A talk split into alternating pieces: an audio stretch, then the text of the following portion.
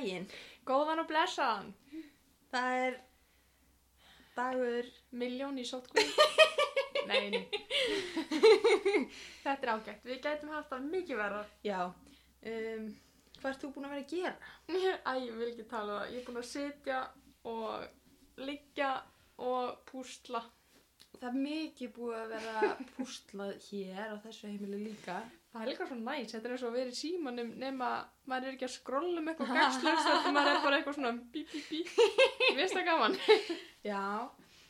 Þú er ekki tekið upp einhverja nýja siði svona?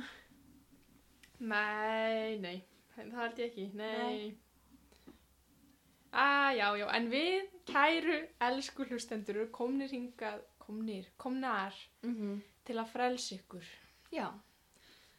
Undan uh, fá breytum hverstagsleikanum með fróðuleiksmólum. Já.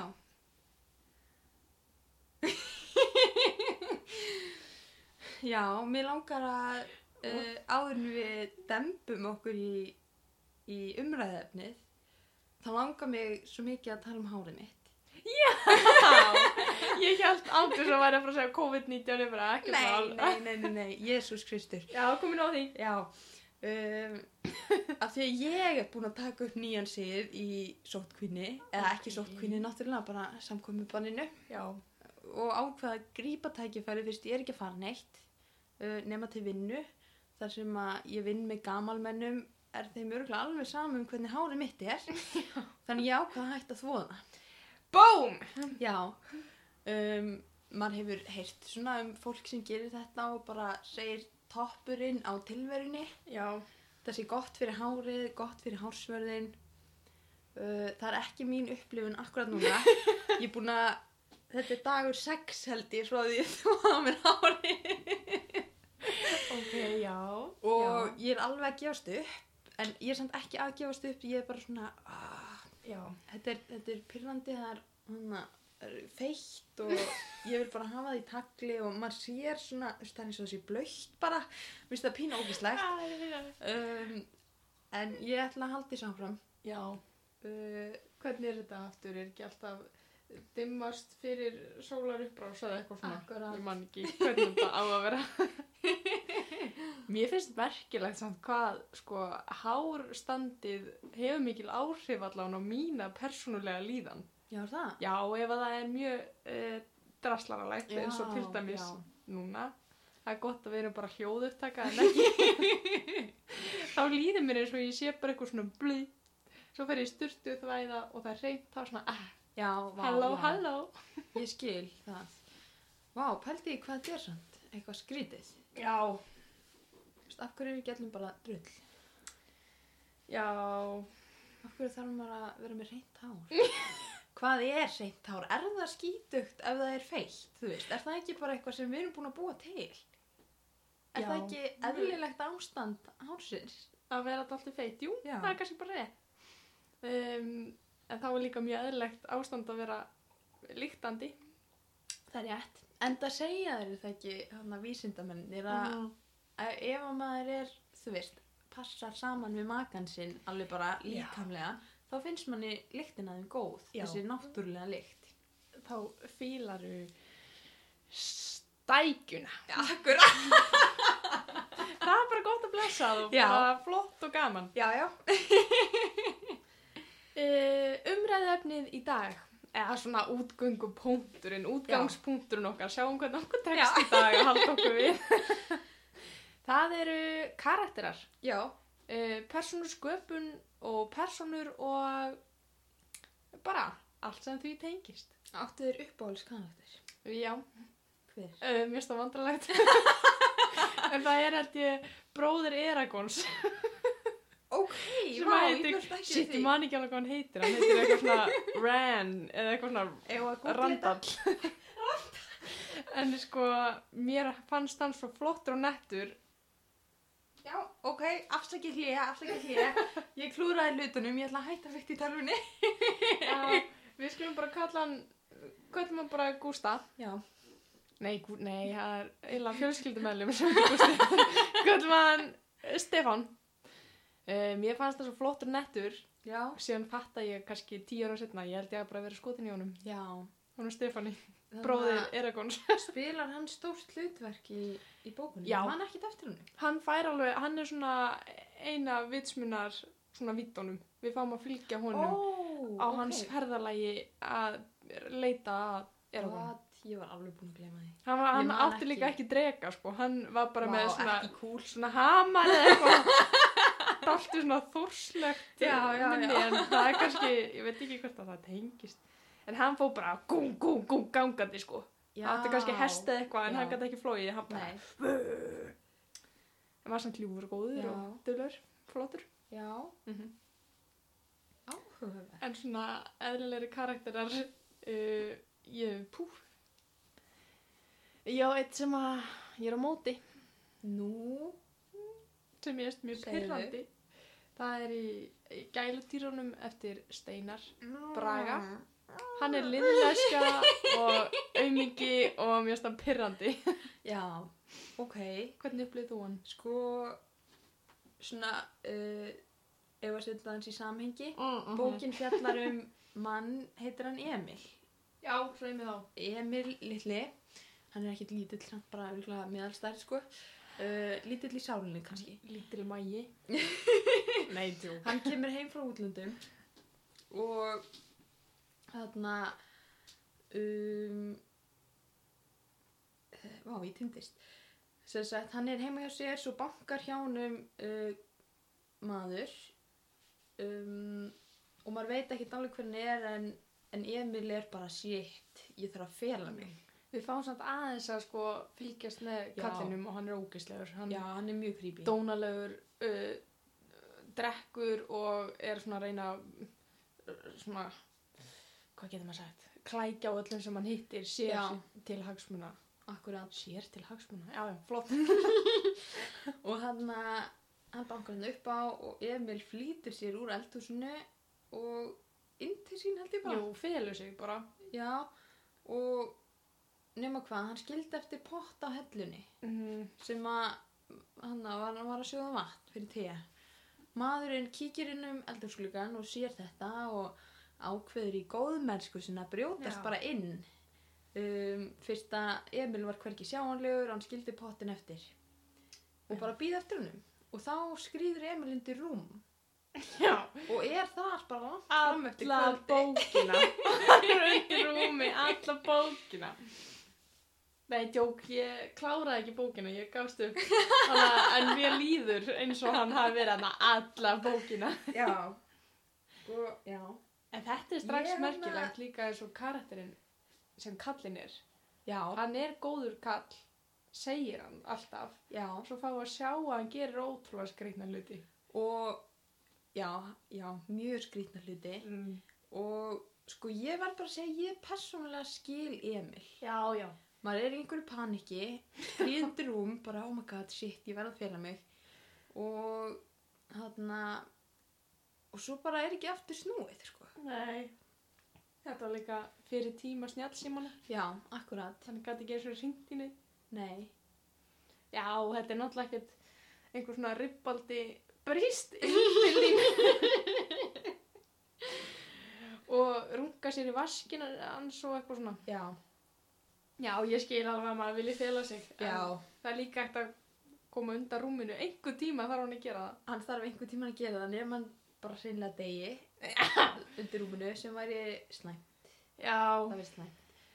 Ó, en hefur aldrei fengið þessa tilfinningu svona, þú veist, bara þú veist þú þarft að gera eitthvað og þú vilt ekki gera það, þú ert kvíðin að stressaður eða stressuð segja og svo bara frestar og frestar og frestar ég held að hann hafi verið með svoleiðis tilfinningu Þetta er bara, ég get tengt þetta við mjög margt svona í mínu persónulega lífi. Bara þú veist, ef maður þarf að ringja símtala eitthvað, ég er oft mikið eitthvað að fresta því Já. og Það er ekkert mál. Um leið og ég byrjuði að tala í síman, Já. en mér er alveg sama, en á meðan bípið er þá er heila bara, oh my god, oh my god, ég er að fara að tala í síman. Ég sko, ég á það til að sko koma mér undan svona verk, að fresta þeim. Já, uh, að því að ég segi, oh shit, nú er klukkan orðin tíu á morgunni til, það lúkkar ekkert vel að senda post svona seint á morgunni.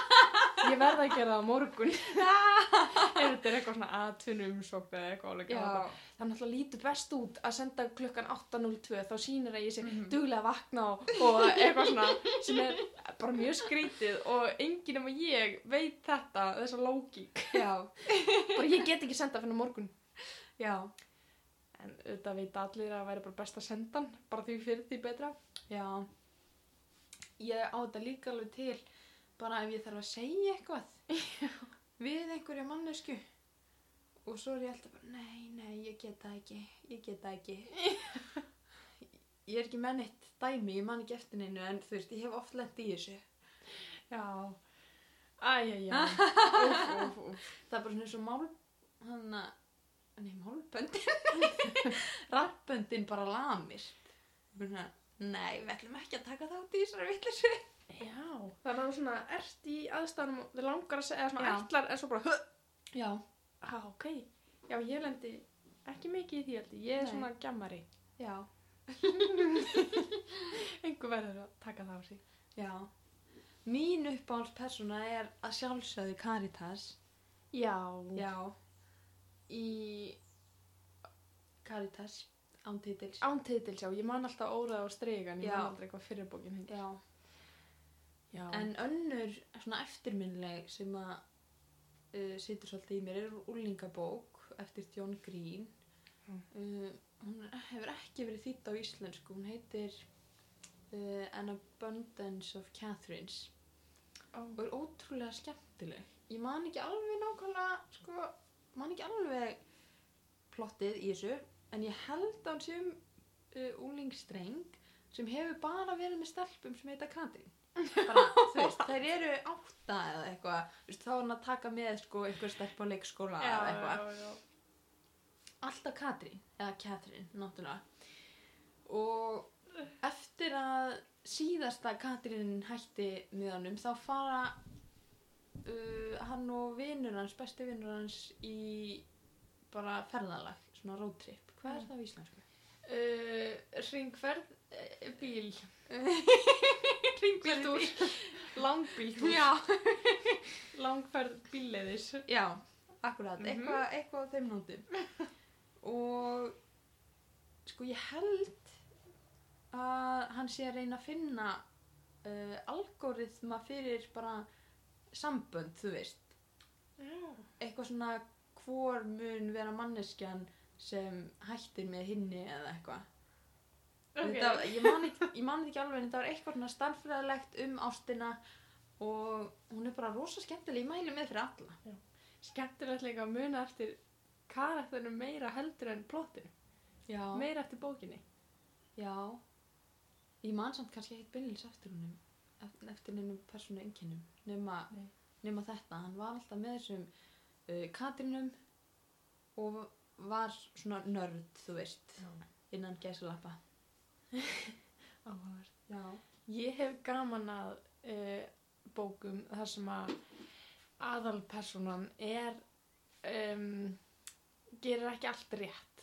Já, eins og eða meira bara, kannski meira mjög pyrrandi þegar að karakterarnir karakterarnir eru fullkomnir eins og Já. pínu til dæmis núna mun ég fá bara, ok, uh, takk ég sem er fyrirvara já, eins og í Harry Potter já Harry Potter er bara fullkomin eiginlega Nei, hann er það ekki, hann er alls ekki fullkomin.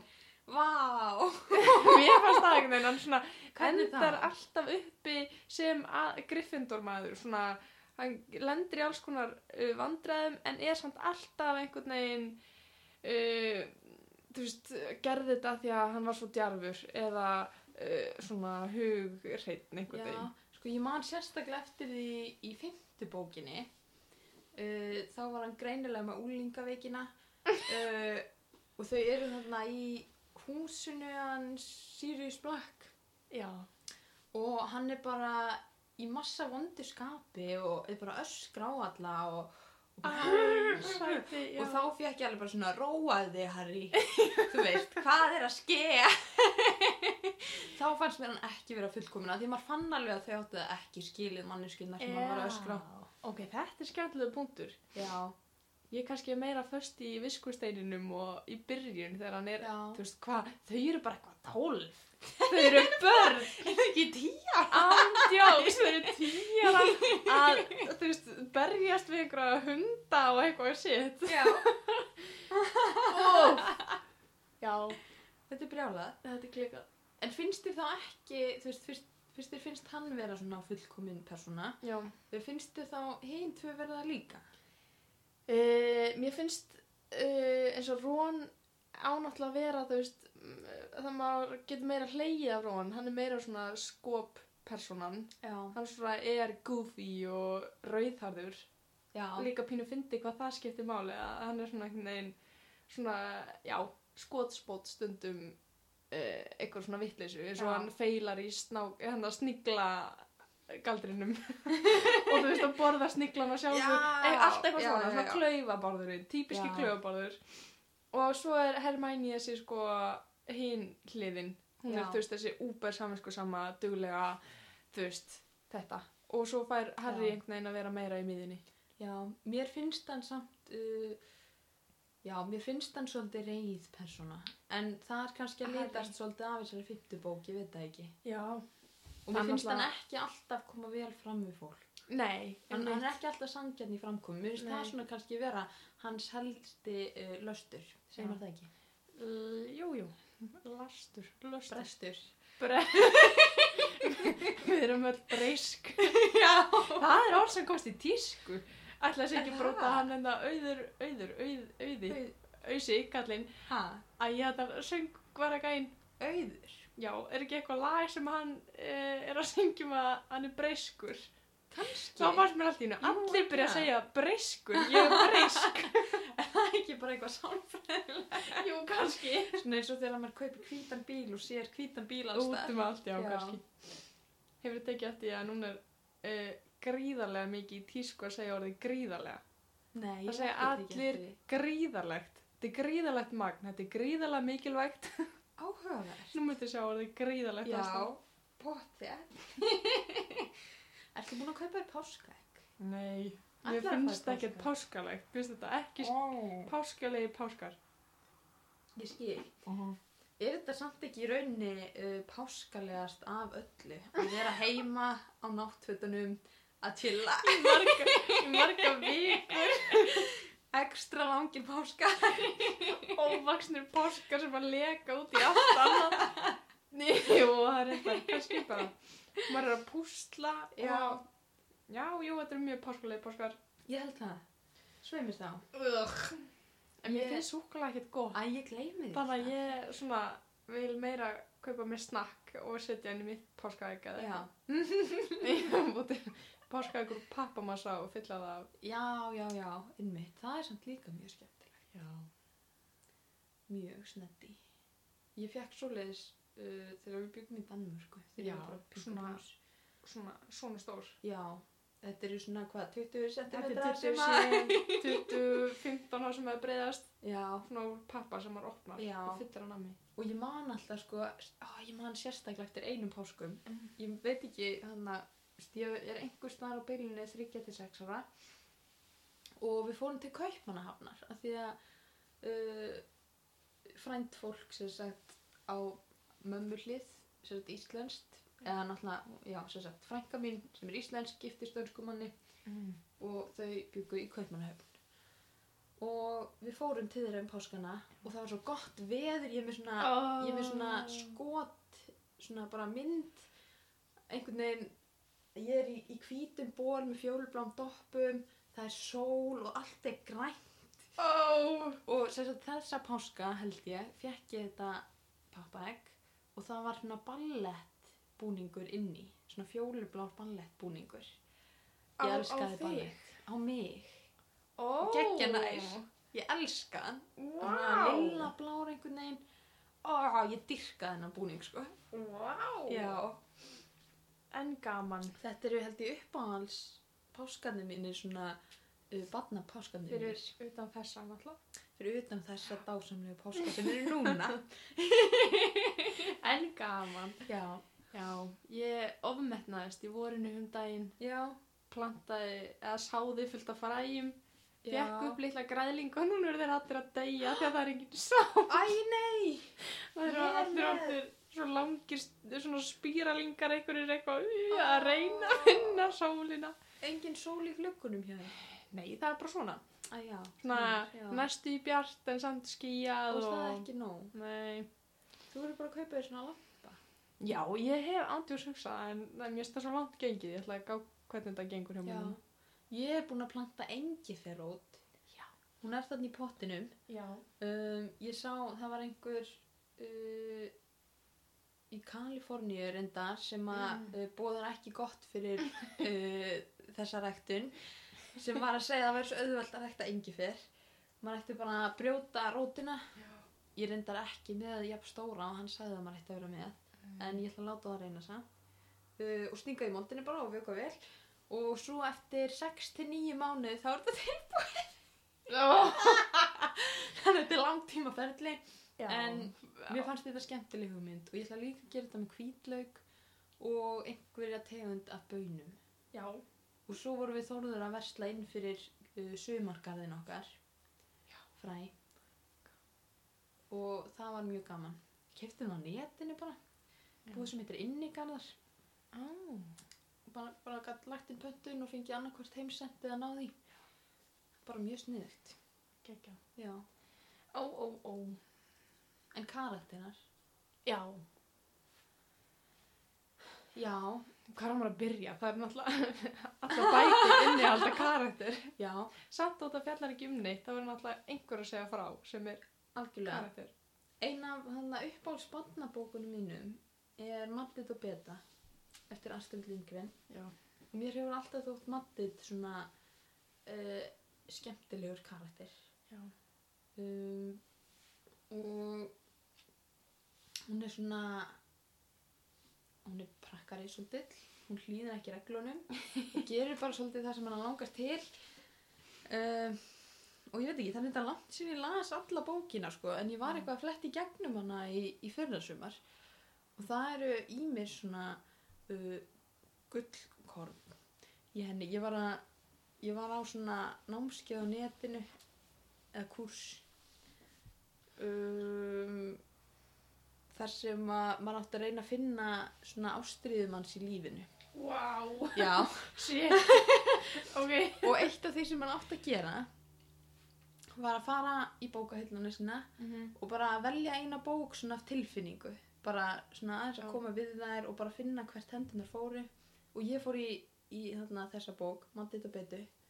Og svo ætti maður að fletta og bara opna einhver staðar og setja puttan og eitt af því sem að uh, ég fann þarna var þegar hún er að stökkva af þakinu með reglífina að reyna að fljúa Já. og ég var bara, vá, magnað því að þetta var, þetta talaði svo til mín akkurat þarna, hún segir sko ég með þess að skrifa það hérna á, á blað og hengdi það upp á hjá mér. Og hún segir, ég er að hugsa um að prófa það. Uh, prófa hvað, segir Beta Hissa. Að nota reglíf og mér fannst þetta að vera eitthvað svona þú veist, ekki vera hrætt við að nota reglífarnar, þú veist. Þó að það muni mistakast prófa þið samt. Já.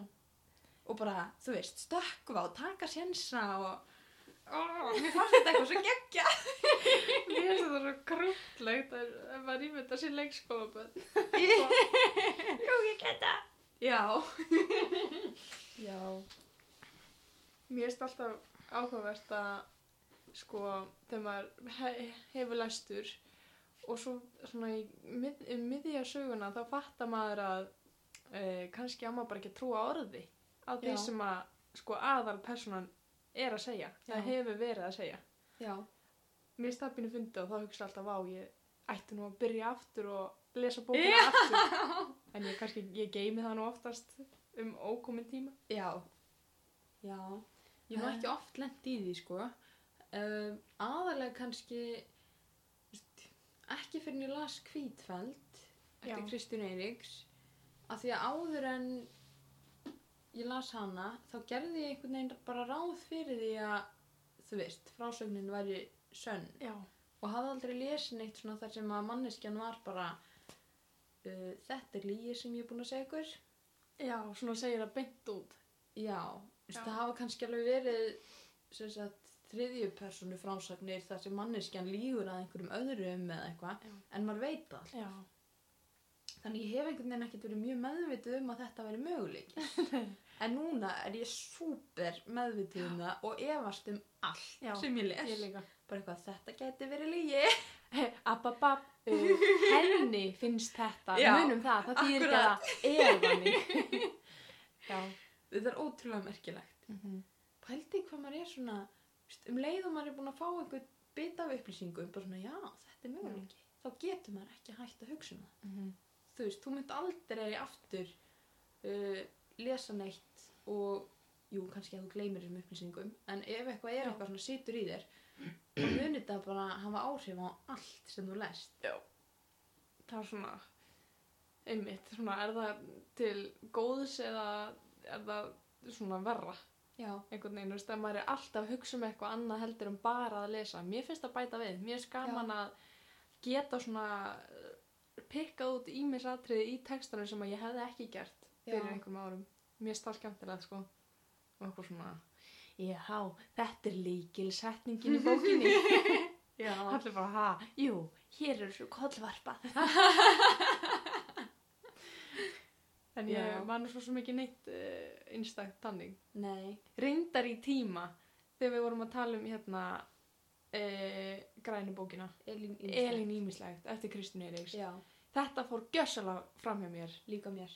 E, ég var endur ekki búin með bókina. Já, uh, en ég var samt alveg uh, rúmlega hálfnuð. Já. Það er einmitt sko það er aðalpersonan kona sem að er bara að segja frá og bla bla bla. En svo sko sagði kennarinn okkur að bara strax fyrstu línurnar í bókinni já, það er rauninni segja bara þú veist, ég er ekki að segja rétt þið geti ekki treyst mér. Já, og þið geti ekki trúa því sem ég segi. Og þetta er sko fyrstu málsgreinarnar. Mm og ég einhvern veginn skauta bara yfir það og fattaði ekki að þá einhvern veginn strax þarna fyrst er settu varnagli bara ok, passi ykkur hvað þið einhvern veginn skinnið en það fór einhvern veginn fram hjá mér. Magnað það var sem er ógeðslega gaman að pæla í öllu hinn í bókinu bara vá, já já, er þetta allt ímyndun, er þetta allt bara hennar hún að spegla eða svona endurkasta sínu einhvern veginn sínu, sínu vandræðum yfir á aðra personur sem að bara hafa ekkert með þetta að gera og eitthvað. Bla bla bla. Já. En nú langar maður þess að spyrja þig svona persónulega, þegar þú ert að skrifa. Um, ert þú að nota einhverjar svona aðferðir meðvitað þegar þú ert að skapa persónur? Eða er þetta bara eitthvað sem að bara kemur og er eins og það er Ég sko, ég hef ekki skrifað mikið að sko, ég hef skrifað nokkra örsögur mm -hmm. ekki lengri sögur sko, ég hef ekki skrifað sko heila smásögur, skilur 20 Nei. blaðsögur pluss eða eitthvað uh, en það sem ég hef skrifað þá sko reyn ég að kynnast að búa til að skilja um hvað ég er að skrifa, hver person er og reynir svona að finna út hverjir hennir, hennar brestir eru og hvað hún er einhvern veginn og skrifa svo. Já, ég skilði þannig að ég kannski veit að hún er að glíma við þetta vandamál og þetta og þetta og þetta en þú veist, sá sem les þarf ekki beint að vita nákvæmlega greiningu á henni en það kannski ef að manni tekst vel til þá einhvern veginn skín eitthvað smá í gegn um textana að sé eitthvað svona, það sé Já. eitthvað Það er eins og við vorum að lesa í viðtalinu við Kristínu Eiríks, er það ekki, Já. sem var lásum fyrir tíman, að hann er með kjötbæinn, að hún hafi, þú veist, skrifað fullt sem að hún tók síðan út, en henni fannst eins og það skildi eitthvað eftir já, sig. jú, já, ég svona, kannski ég bara fengja frá henni Já, nei, nei, ég kannski. segi svona en eins og þarna eh, sagan sem að ég skrifaði í óreiðu Já, sem að Tanja gaf út uh, þar er ein með perlur sagan. Og það var svona pælingskilur hún er svo margræð eða skilur óræð einhvern veginn. Já, en ég var búin að hugsa ákveðið og svo kom það mér, mér svo óvart þegar að fleiri í reitlistahópnum skildan öðruvísi. Já, þá var bara, ok, já. annarkvort teknast að þá geggja vel eða alveg fjallum sjálfsig Já. þannig að ekkert komst til skila eða þá að þetta átti mitt að vera pínu svona, Já, þú veist, ekki geggja opið, mér það pínu ekki beint leiðilegt, en mér finnst gama þegar mann er ekki sagt allt einhvern veginn já. en þú? Uh, sko, ég veit ekki, ég á mjög erfitt með að finnst mér greina eitthvað svona ferli hjá mér þegar ég er að skrifa. Já, En ef ég hugsa til dæmis bara um, um þegar hugmyndin kn- kviknar fyrst, sko, ég veit ekki, þetta er einhver svona tilfinning sem ég fæ bara já, og skrifa út. Og svo restin, ég veit ekki. Ég er oft mjög lengi að átta mig á því hvað personan er og hvað hún gerir og hvað ekki. Já þannig að það kemur á meðan þú ert að Já. vinna mér finnst það sko. Já. og hann og ég er, já, ég er oft lengi að komast að þeim svona algjörlega og skilja þær að því mér finnst ég ekki, kannski er þetta bara bjánaskapur í mér, en mér finnst ég ekki geta sagt bara eitthvað, já, að því ég er kannski að hugsa, já, gerum þetta? Og svona, nei, það passar ekki alveg. Og svo bara allt í einu kemur það svona, já, auðvitað er þetta. Og það tekur oft Skemmtilegt. bara langan tíma sko. Já. þannig að ég tek stundum í svona köstum bara, þú veist, skrif ekki neitt í mjög langan tíma ef ég er að vinna að einhverja ákveðinu og já, Hvað finnst þér um það þegar fólk uh, vil meina að það sé bara hægt að skrifa út frá persónleiri reynslu?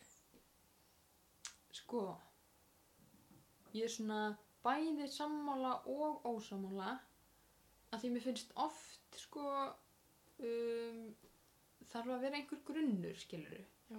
en það þarf ekkit endilega að vera meira en einhver tilfinning Já. þú veist, ef þú skilur sorg þá held ég að þú getur skrifað um sorg þú veist, manneski sem upplifir sorg Já. bara og ef þú ert með gott ímyndunarafl þá getur alveg ímyndað þér hvernig það er að lenda í þessari stöðu Já.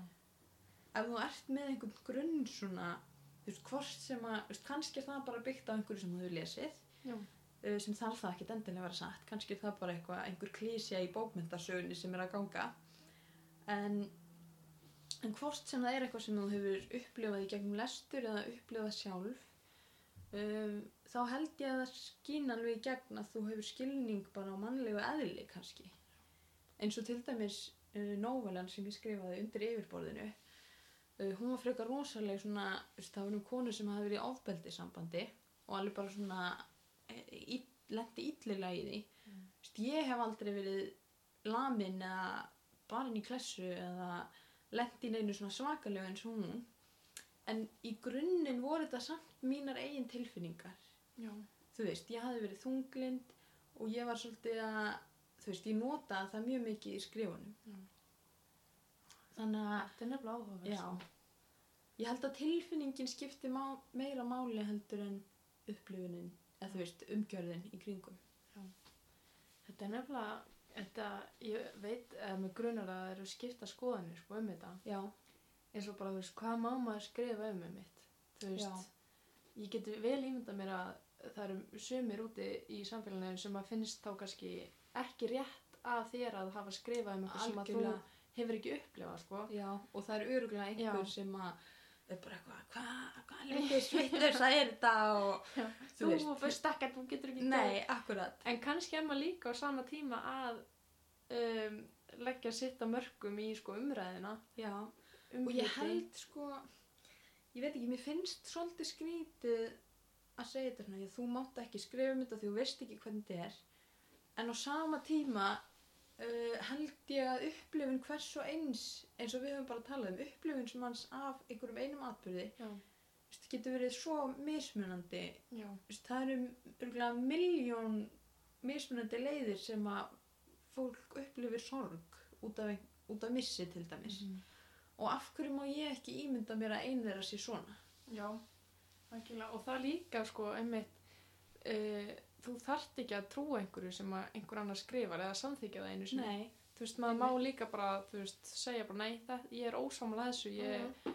ég, þú veist, mér finnst þetta ekki rétt. En það er samt, finnst mér ekki, eigi þá að, þú veist, stoppa það að uh, þú gætir skrifað þetta já, en það er svo val annara að hafna því eða en þetta, þetta, mér finnst þetta samt alveg verða að vera innan ákveðna marka sko. ég er alveg sammála mörgu eins og að að ég veit það samt ekki, mér finnst þetta mjög erfitt sko. Já. hvað má segja og hvað ekki. En þú veist mitt höfundaverk er þið rosalega einhæft en Já, ég mætti bara að það er skrifa það málið, sem ég sko. upplifi. Það er líka máli, en það er kannski kannski er það aðeins öðruvís sem maður til dæmis myndi taka að sér að vera einhvers konar málpí, málpípa uh, þú veist, minnilutahóps já, eða, en samt er þetta kannski að sama, ég veit það ekki, mér finnst þetta nefnilega erfitt sko að vita einhvern veginn hvað er nú PC já, sko eða svona politically correct að segja, þú veist, hvað má maður og hvað ekki Já, sko ég er svolítið að þeirri skoðun að það er ekki ábyrð rítöfunda að færa fólki fyrirmyndir, það er ekki ábyrð rítöfunda að færa fólki sannleika. Já. Þú veist, mitt starf er að ljúa, af hverju má ég ekki ljúa þessu eins og hinnu? Já, en áhuga sko. Þetta er nefnilega, já, Þú veist, skáldsögur eru ekki þarna, uh, Til að- ekki, ekki til að bjarga heiminum. Nei, akkurat, auðvitað getur það verið tilgangur einhverja, já, en svona yfir höfuð uh, þá er þetta þú veist, já, ég veit ekki mér finnst þetta að vera hjá mér einhver svona það er einhver saga í mér sem þarf að komast út og þá er mér þú veist, þá finnst mér ekki að þetta skipta máli hvaða saga það er hvort Já. ég mætti segja hana eða ekki já en svo auðvitað, ef þetta er viðkomari málefni þá auðvitað skiptir mála að kynna sér þess vegna óleika raddir og Já. setja sér inn í málin sko En það líka, kemur kannski bara út, ef þú undirbyrð þetta vel, þá kemur út betra verk. Ef þú skrifa bara eitthvað, þá kemur út glata, lélegt sorp og þá kannski er ekkert skrítið að enginn vilji heyri þetta eða hlusta á þetta eða lesa.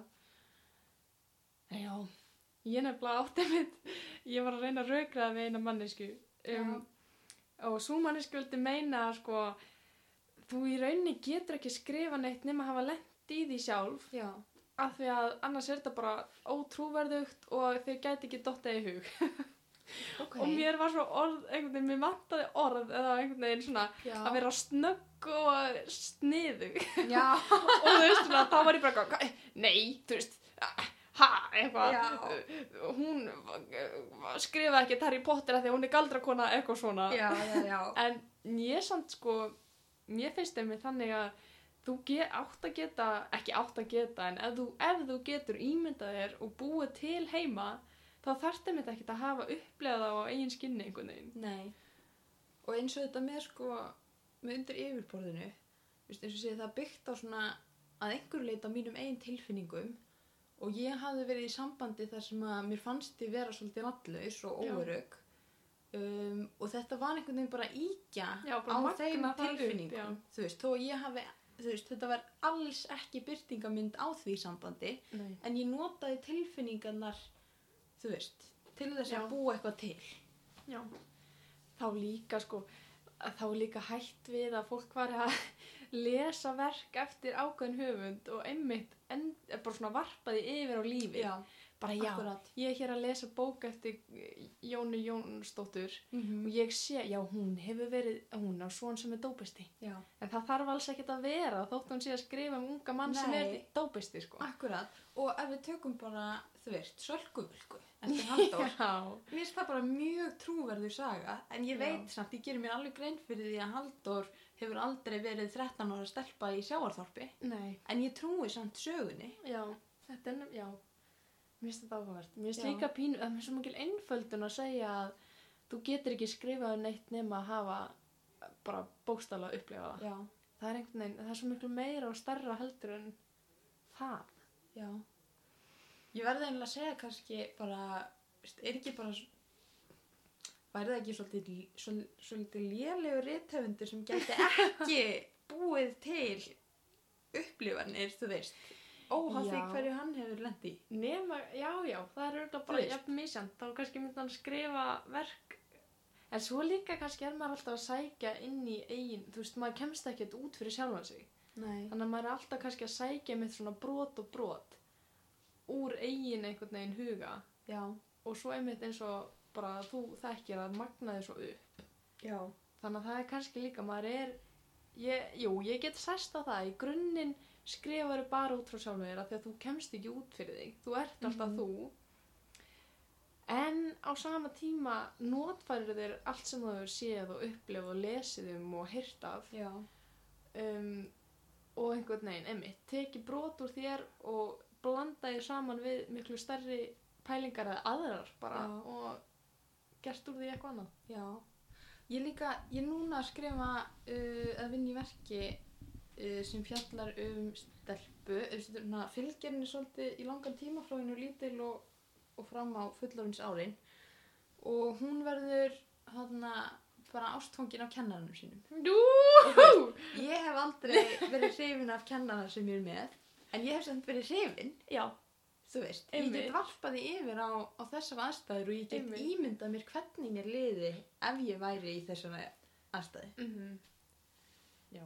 og líka oft sko mér finnst þarna mér skemmtilegustu personunar oft vera personur sem að gera eitthvað svona sem kemur manni á óvart Skandalísera. sem eru svolítið svona ó, ok, þetta er ekki það sem meðal manneski Wow. myndi gera Já. Ymmit. Og líka þegar fólk þorir að skrifa eitthvað sem að er eiginlega bara döðadæmt fyrirfram. já, Þú veist, sem er bara hella tabú eða er Já. bara eitthvað svona fárálegt. Mjög stafpínu gaman. mm.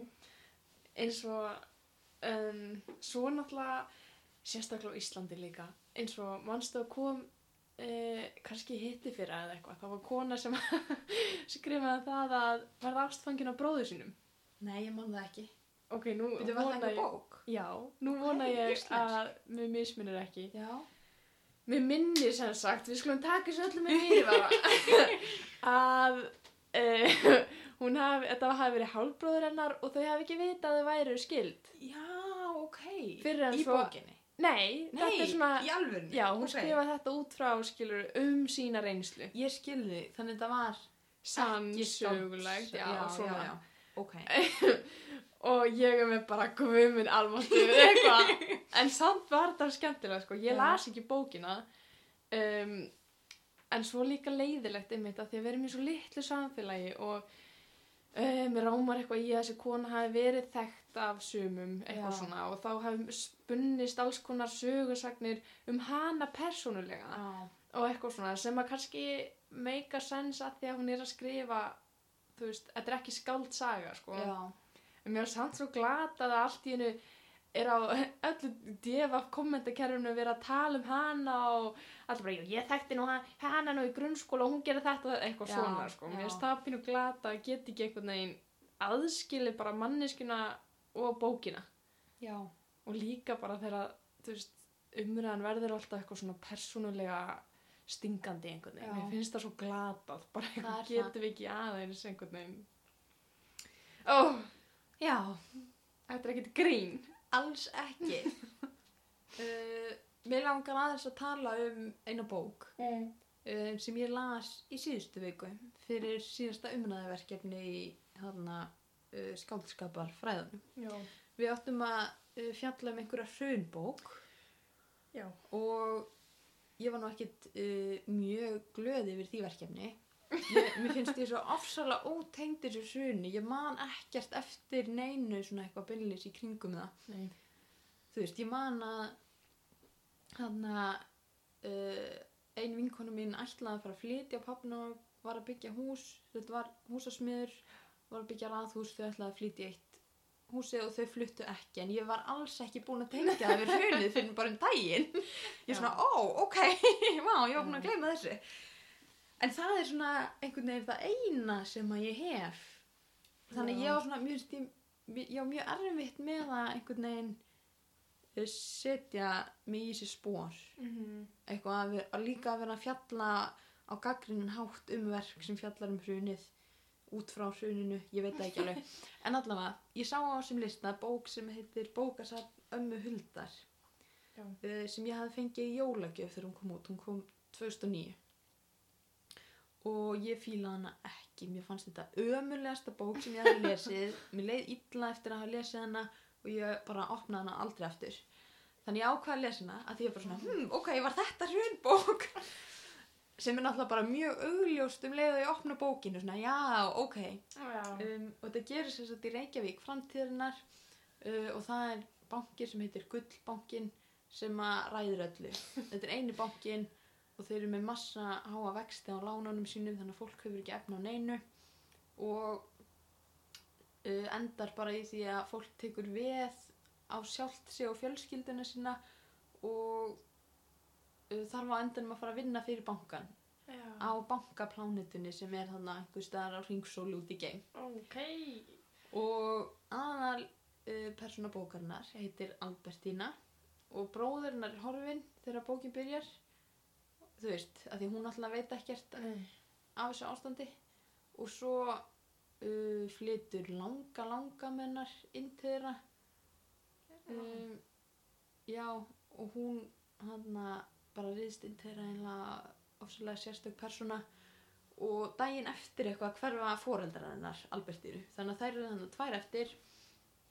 Hún setur upp bókasafn bara bara allir veggir bókahillur og þú veist það er ekki til bækur í þessum heimi lengur það er hægt og þú veist krakkarnir fara í skóla og læra ekki af bókum heldur í kennarinn bara eitthvað að tala um vexti og lán og, og nota einhver hátíðni hljóð til að örfa heilan og svo fá þeir afströym eitthvað ef þau svara ekki rétt.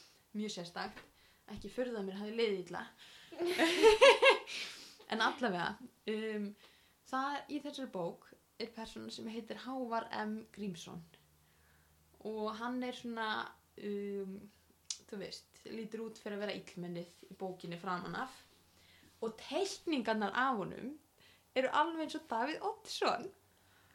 Ég bara, ég horfði á myndina og bara eitthvað, þetta er Davíð Oddsson. Með svolítið svona mikið krullað hár og, og andlitsfallið einhvern veginn. Mjög fyndið. Og ég fór sér þetta að velta í fyrir mér. Þú veist, var þetta viljandi sem höfundurinn gerði þetta var þetta tilviljun, ef þetta var viljandi hver er þá leynilegi bóðskapurinn undir? Að því það kemur svo í ljós að þessi hávar hann er bara peð hjá bankanum í raunni. Já. og hann er bara einmanna og vildi eignast vini. Þannig ég var bara að velta í fyrir mér hvort að bóðskapurinn væri veist, þarf Davíð Oddsson knús? Er hann einmanna En kannski er það líka því að við, allan ég, þú veist, ég man ekkert uh, hvernig veldi Davíðs Oddssonar var. nei, Ég man að hann var einhvern tíma borgarstjóri og átt að gera hérna, myndina höggmynd eitthvað. En það taðist að því að það eru alltaf svo margi borgarstjórar eitthvað bla bla bla. átt að gera höfmynd á hann Það er alltaf gert í já, hérna, ok einhvern veginn og svo allt í hennu voru komnir, þú veist, Já. fimm borgarstjórar á tveimur árum eða eitthvað, bla bla bla, eitthvað svona. En þú veist, ég, ég man ekkert og veit ekkert hver svona hápunktur veldi staðins var. nei, Þannig að ég næ ekkert að tengja þetta við eitthvað svona dölun boðskap í eins og svona bókmyndir, sko. nei ég fór bara að velta þessu fyrir mér sko Já. Veist, eh, ef þetta er viljandi þá er hann að reyna að segja Já, eitthvað já. Og þú veist, hann það er bara ekkert skrítið, sko. Það er ekkert, er klikkað, sko. nei, en mér fannst þetta Já. ótrúlega fyndið Já, mér fannst skemmtilegra í þessum hrunbókmynda tímabili hjá okkur. Mér fannst skemmtilegra að lesa sko fræði greinarnar heldur en bækurnar sjálfa. mm, já, Eins og, hérna, úf, nú man ég ekki, var það eftir, nei man ekki, eftir hvað shit. Uh, þegar við að vera að tala um sko sjálfsmynd Íslendinga, íslensku þjóðarinnar. mm, Eitthvað svona, þú veist, þegar að allt í hennu var Ísland þjóð með þjóðum eitthvað Já. svona og ekki meiri meiri segja bara jafnvæg heldur betri í rauninni. Þú veist Já. með þessu útrása vikingatali og eitthvað svona. Það var mjög áhugavert. Herðu, líka á rúf á uh, rás 1 já, hérna þættirnir talað um tilfinningar. Já. Skemmtilega þættir, mæli með. Uh, ef maður fer þangað uh, í sarpin, skrálar aðeins niður þá sér maður líka uh, þátt um sjálfsmynd og þá var einmitt verið að tala um þetta. ok og vá, mjög svona óljósar upplýsingar. Þið finnið þetta þið í bara yfir þetta. Já, já, já. Já, Rúf og Rás eitt er að bjarga mér í þessu uh, sjálfskip bara sólkví hér hjá mér. Já, en, en varðandi sjálfsmyndina já. nú er ég aðeins, það er, það er eitt, eina spurningunum sem við höfum að svara í umræðuverkefni vikunar Já. og ég er svolítið eitthvað að velta þessu fyrir mér með veist, hvað þýðir að vera af íslensku þjóðerni? Mm og hvort það þýðir nokkuð yfir höfuð? Að því ég er búin að vera að velta í fyrir mér svona, það er ákveðnir eiginleikar og eitthvað svona sem eru eyrnamertir, þú veist, íslensku þjóðin einhvern veginn, maður gerir þetta, maður gerir hitt, Já. þú veist. Og var búin að telja upp alls konar atriði þarna undir lókin og svo hugsa ég þetta er samt allt eiginleikar sem að er a, í fyrsta lagi mjög erfitt að klína á heila þjóð Já. það er ekki séns að allir með tölu séu svona Nei. þú veist, kannski í mestalegi 80% skilur Já. það er samt, það var alveg 20% sem er það ekki Já. og B þetta er allt eiginleikar sem maður getur fundið einhvers þar annars þar í heiminum Algjörlega, já. Já, þetta er nefnilega eins og hérna, efninu sem fylgdi með eftir hana Kristínu Loft Loftsdóttur. Lastu greina? já, Mér fannst það, unnægnastrákuna já, já, mér fannst það mjög merkilegt og það er einmitt máli sko að eins og til dæmis bara ég, ég fattaði einhver tíman fyrir einhverjum árum að ég er bara mjög stolt að því að vera Íslendingur. já, og svo allt í hennu setna þá var ég bara fokk, þá fekk ég eiginlega samvinskupið fyrir að vera stolt yfir því að vera af einhverju þjóð. Af því að það er kannski bara mjög skrítið. Já. Af því að það er alls ekki, í fyrsta lagi eru alls ekki allir stoltir af þjóðörni sínu Mm sem að stýðir líka sko af hverju ekki. Þú veist, af hverju eru einhverja þjóðir minna hafa þeir einhvern veginn minna vægi heldur en aðrar? Svo er þetta pottjætt þess að ég viti það sko fræðilega séð pottjætt af því að við erum á besta stað í heimi þú veist, Mhm. gott hafkerfi bla bla bla, allt þetta. Uh, að ég veit Svo ekki. vilja þær meina allavega. Já, en þú veist, einhvern veginn, við erum mjög vel sett með að við marga og örgulega bara meiri partinn af heiminum. já, Þannig að ég fekk líka pínu samviskupið yfir því að hafa það svona gott og vera einhvern veginn, að ég veit ekki, er líka búið að stimpla í mann að maður er stoltur að vera Íslendingur. já, Mér fannst það einhvern veginn og þá var ég bara svona, "Æ, shit, hvaðan kemur þetta, af hverju? Og er þetta eitthvað sem að maður á að skamma sér fyrir eða á maður að, að ég veit ekki, ég var bara pínu tínd í einhverju svona þjóðörnis Já. pælingum. Þetta er nefnilega alveg einmitt pínu sko tvíækja. já, Af því ef ég er stolt að vera Íslendingur þá því að maður er kannski, að nei, ég veit ekki. Ég, þetta er jarðsprengjusvæði. já. veistu hvað önnur hugsunin mín var Mm. í sambandi við þetta ég var búin að hugsa þetta, þú veist ég trúi því ekki að þjóðerni skapi mannin og svo hugsaði ég á Spáni eru allir svo tjillæðir Já. og fór að hugsa um þú veist á flugvöllunum þá er maður oft bara eitthvað að býða ok, ég hef ekki oft miljón sinnum farið til Spánar Nei. en nokkru sinnum. Eða á þessar eigjar þannig kringum Spán. Já. og það eru allir rosa slagir þeir eru ekki að flýta sér. Uh, láta mann bara býða og er alveg sama. Já. og ég hugsaði, þú veist já, þetta var hugsun nummer tvö. Og ég hugsaði svona, ætli það sé Eða... einkenni þjóð, þjóðurnis, já. já, af því að mér líður eins og svona uh, það sé yfirleitt ekki svoleiðis hér Já. Það er náttúrulega, er, það hlýtur að vera einhver fótur fyrir, sko, en þá finnst það, mér finnst það að vera meira, sko, menningar, já. menningaratriði, heldur en einhvern veginn, en er það þá ekki spænsk menning?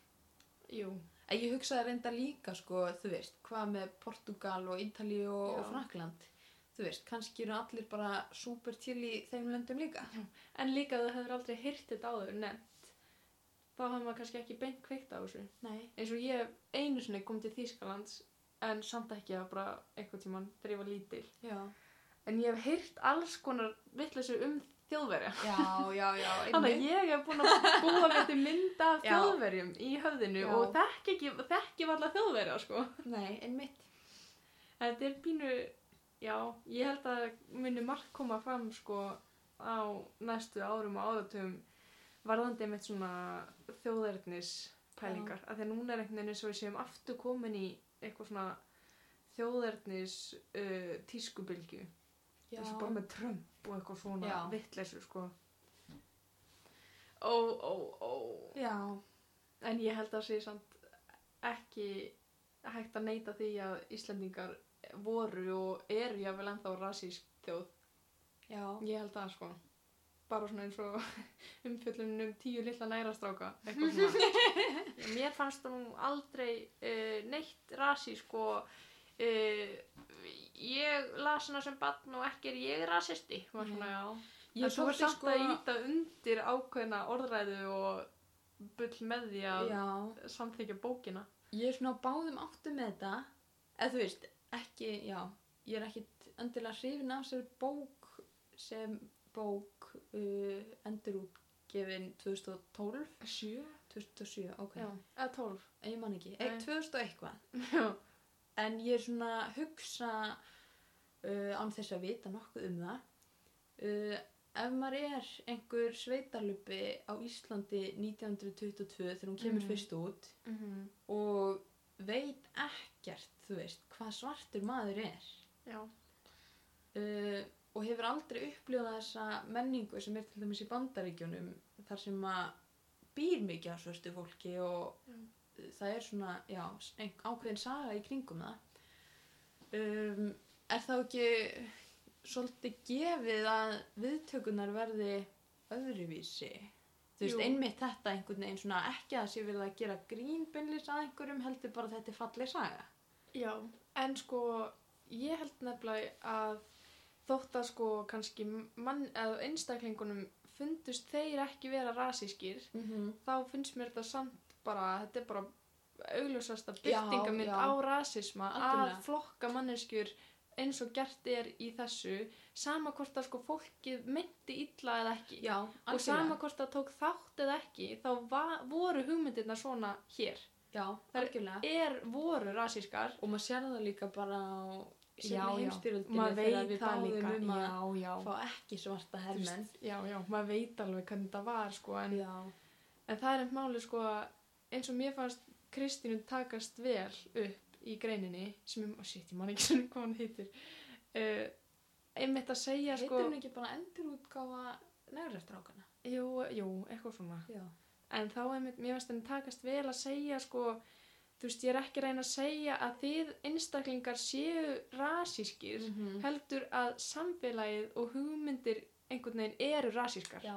þannig að þú veist, það sem okkur þykir eðlilegt og minnlaust, Mhm. það er rasíst en ekki það að þú viljir vera rasisti beint, nei, nei, einmitt. En að þú ert það samt. Og svo auðvitað getur maður verið rasískur án þess að átta sig á því. Já, já, það sko, einmitt það er já. málið. Þú meinar ekki dílt en þú ert Já. samt gegn sýrður af ákveðnum hugmyndir sem að í grunninn eru mjög rasískar. Já, þetta var, nú, þetta var hannar út út úr Upsi pupsi já, já. ein loka persóna karakter já. um,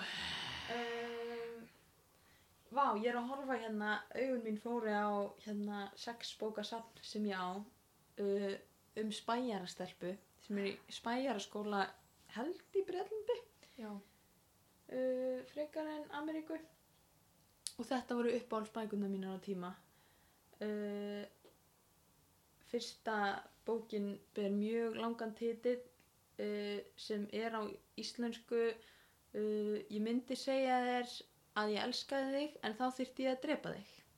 Oh þetta er Jesus. uh, háleinilegt náttúrulega allt já. saman og ég held að aðalpersonan heiti Cameron.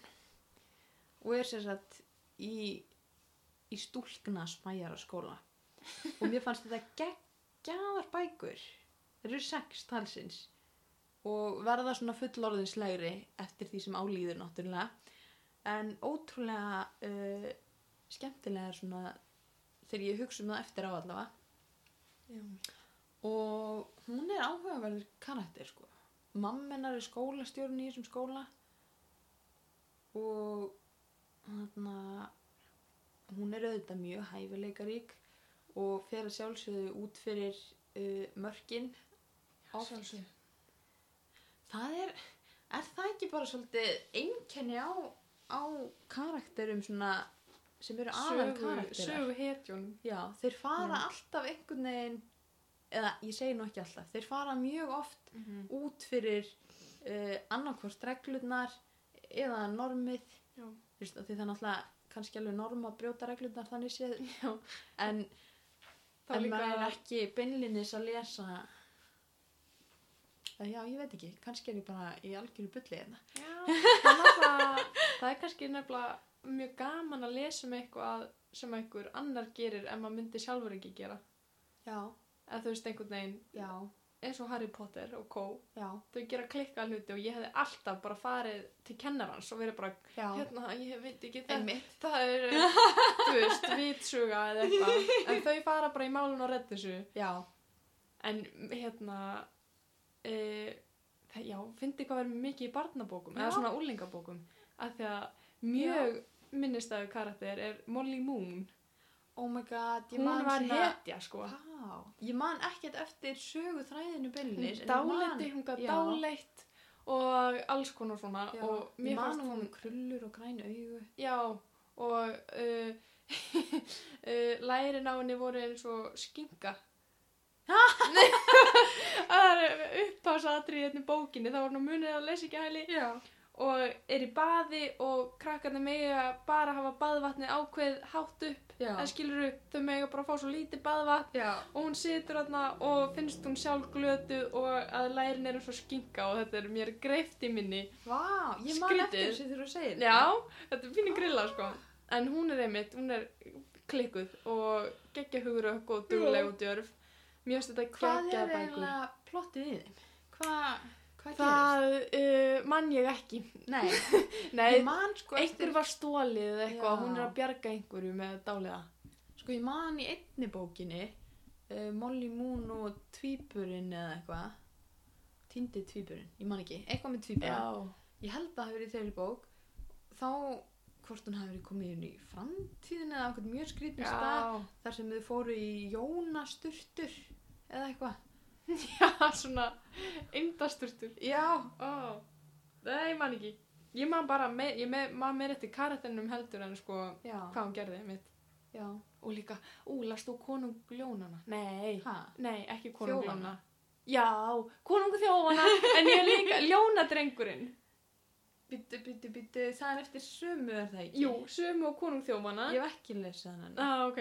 Hann er líka mjög hugur ekkur og djarfur og getur, þau búa allir yfir einhverjum hæfileikum. Já. Hún kann að dáliða og hann getur talað við ketti og kattadýr. Ó, Magnað! vá. Já, mæli með. Ég er glöð að ég las ekki manna segi gils og eitthvað sem krakki heldur eitthvað svona. Já. Var það ekki líka aðalega uh, markaðsett fyrir drengi? jú, svona, stá, svo, svona unga. Já, væri ekki eitthvað sambarlegt við það, þú veist, Toppa Marinós, hann að, gaf hún ekki út einhverja Jú, svona dömubók? Dömur síðir eða eitthvað. alveg. Já, já, já, akkurat. Úf, já. Já, ég var lítið í því. Já, ég líka. Og lítið líka í einhverju svona, svona, eitthvað stelpulegar stelpur að gera stelpu hluti. Já. En þú veist, ég var svolítið eins og ég man eftir að hafa lesið aðeins þannig að er ég bara flatbrust að nunna og það var ekki minn tepolli, ég var svo ótrúlega, mér fannst eitthvað svo langt í sjálfa mig þar Já. að ég bara, oh my god, á ég verið að gera þetta Já. var En Það er líka pínu uh, áhugavert uh, svo við fyrir nú ennþá lengra út fyrir karakterina. Já, Ég hef oft hugsað út í að sko að uh, eins og í mentaskóla já, og grunnskóla, uh, loka veist, efstu bekkjum grunnskólans og mentaskólanum þá voru krakkarnir sem að voru klikkaðastir, þau voru svona einhvern veginn, það fór langmest fyrir þeim. Já, þau sem að drukku þau sem að uh, voru farin að sofa hjá þau sem Mhm. að einhvern veginn gerðu alltaf klikka voru að halda partí halda partíið eitthvað, mitt og eitthvað svona. Ég man að mér fann, fundust þau einhvern veginn normið eða svona Já, og ég hugsaði, ó nei, ég er svo óþrósku, ég er ekki að gera neitt ég, ég bara er lítil hérna. En já, þau voru kannski bara fimm í árgangnum sem að voru klikkuð öll hinn þú veist, voru bara geðveitt saglaus innan gæsalappa. Mér svo fyndið að það er svona típiski úlingurinn að vera klikkað. Svo eru öll hinn sem að eru bara eitthvað þú veist, ekki í þessum pakka en horfa Já. samt á hinn eins og að þau er bara eftir að ná þeim. Já, sko, ef ég á eins og þér, þá finnst mér ég ekki ennþá hafa ná Nei, þessum stað. líka því maður á ekkert að ná þeim. Nei, maður á nei. fyrir kannski bara allt öðruvísi leið. En það er áhugavert að segja einhvern veginn fimm, sko, í minningunni hjá mér ég held, ég sé alveg bara með sömu típu hérna í hausnum. Þá var þetta alveg bara svona eiginlega heill bekkur sem var eitthvað partíast og eitthvað. Já. Kannski var það ekki en eitthvað fari einhver eitthvað ullarnesbrekku partí held ég að hafa verið og, og já. Og ég man sko ég held ég hafi bara verið í áttundabekki, vá, ég vona ég sé ekki að fara að skröku upp á neitt uh, sem er örgulega ekki að fara að hlusta á þetta þannig að þetta er lægi og það var stelpa sagt, með mér í bekk uh, og þú veist í mínum svona vinnahóp sem að uh, átti fóreldrar sem voru eitthvað tengd í Luxemburg þú veist, alveg upp að mamminar eða eitthvað. Ég er ekki að fara með þetta alveg rétt en eitthvað með Luxemburg og sem höfðu sér bara þú veist, fannst eðlilegt að gefa börnunum sínum aðeins smá rauðvin með vatni Mhm. skiluru með kvöldmannum eða kampavín á árumótunum og eitthvað þannig að það var svona fyrsta manneskjan sem ég komst í kynni við sem var að drekka Já. Varstu að koma í mentaskóla? Nei, þá var í grunnskóla. Í Ég held grunnskóla, ég hef já. verið bara í áttundabæk sko þegar þessar samræðir fóru á stað eitthvað svona að drekka og eitthvað. En, en ég var alltaf pínu eitthvað svona gati ekki einu sinni Við erum svo lítil og sæt og, Já. og hérna ólík. Já, veist, við erum að tala um ég sko alveg allan gagfræðiskólan þá bara fór ég í kleinu ef einhver strákur fór að tala um mig. Já. Veist, þó það væri ekki nema það var yfirleitt bara eitthvað hvernig gekk þér á og eitthvað, og ég bara eitthvað Æ, krúttir. Já. Já, svona erum við ólík og sæt Já. og skemmtileg. Um, ef að fara að binda á þetta uh, loka hnút. Ég held það. Uh, Heilræði fyrir páskana. Já. Borðið mikið af páskaækjum. Borðið mikið súkulaði. Já. Eða snakk. Reyfið ykkur líka kannski aðeins. Já. Þú veist, það er gott fyrir sálina. Reyfa sig og, og Mm. geta svo páskaæk. Segjum bara ha? Ok, mér finnst þetta ekki uh, hafa verið góð heilræði hjá okkur. Já, svo náttúrulega, við erum svo ólík mannstu að við tökum mismandi hluti til okkar. Það. Þannig að þetta er kannski bara gullkort lífsins fyrir einhverjum. Það er rétt. Það bara.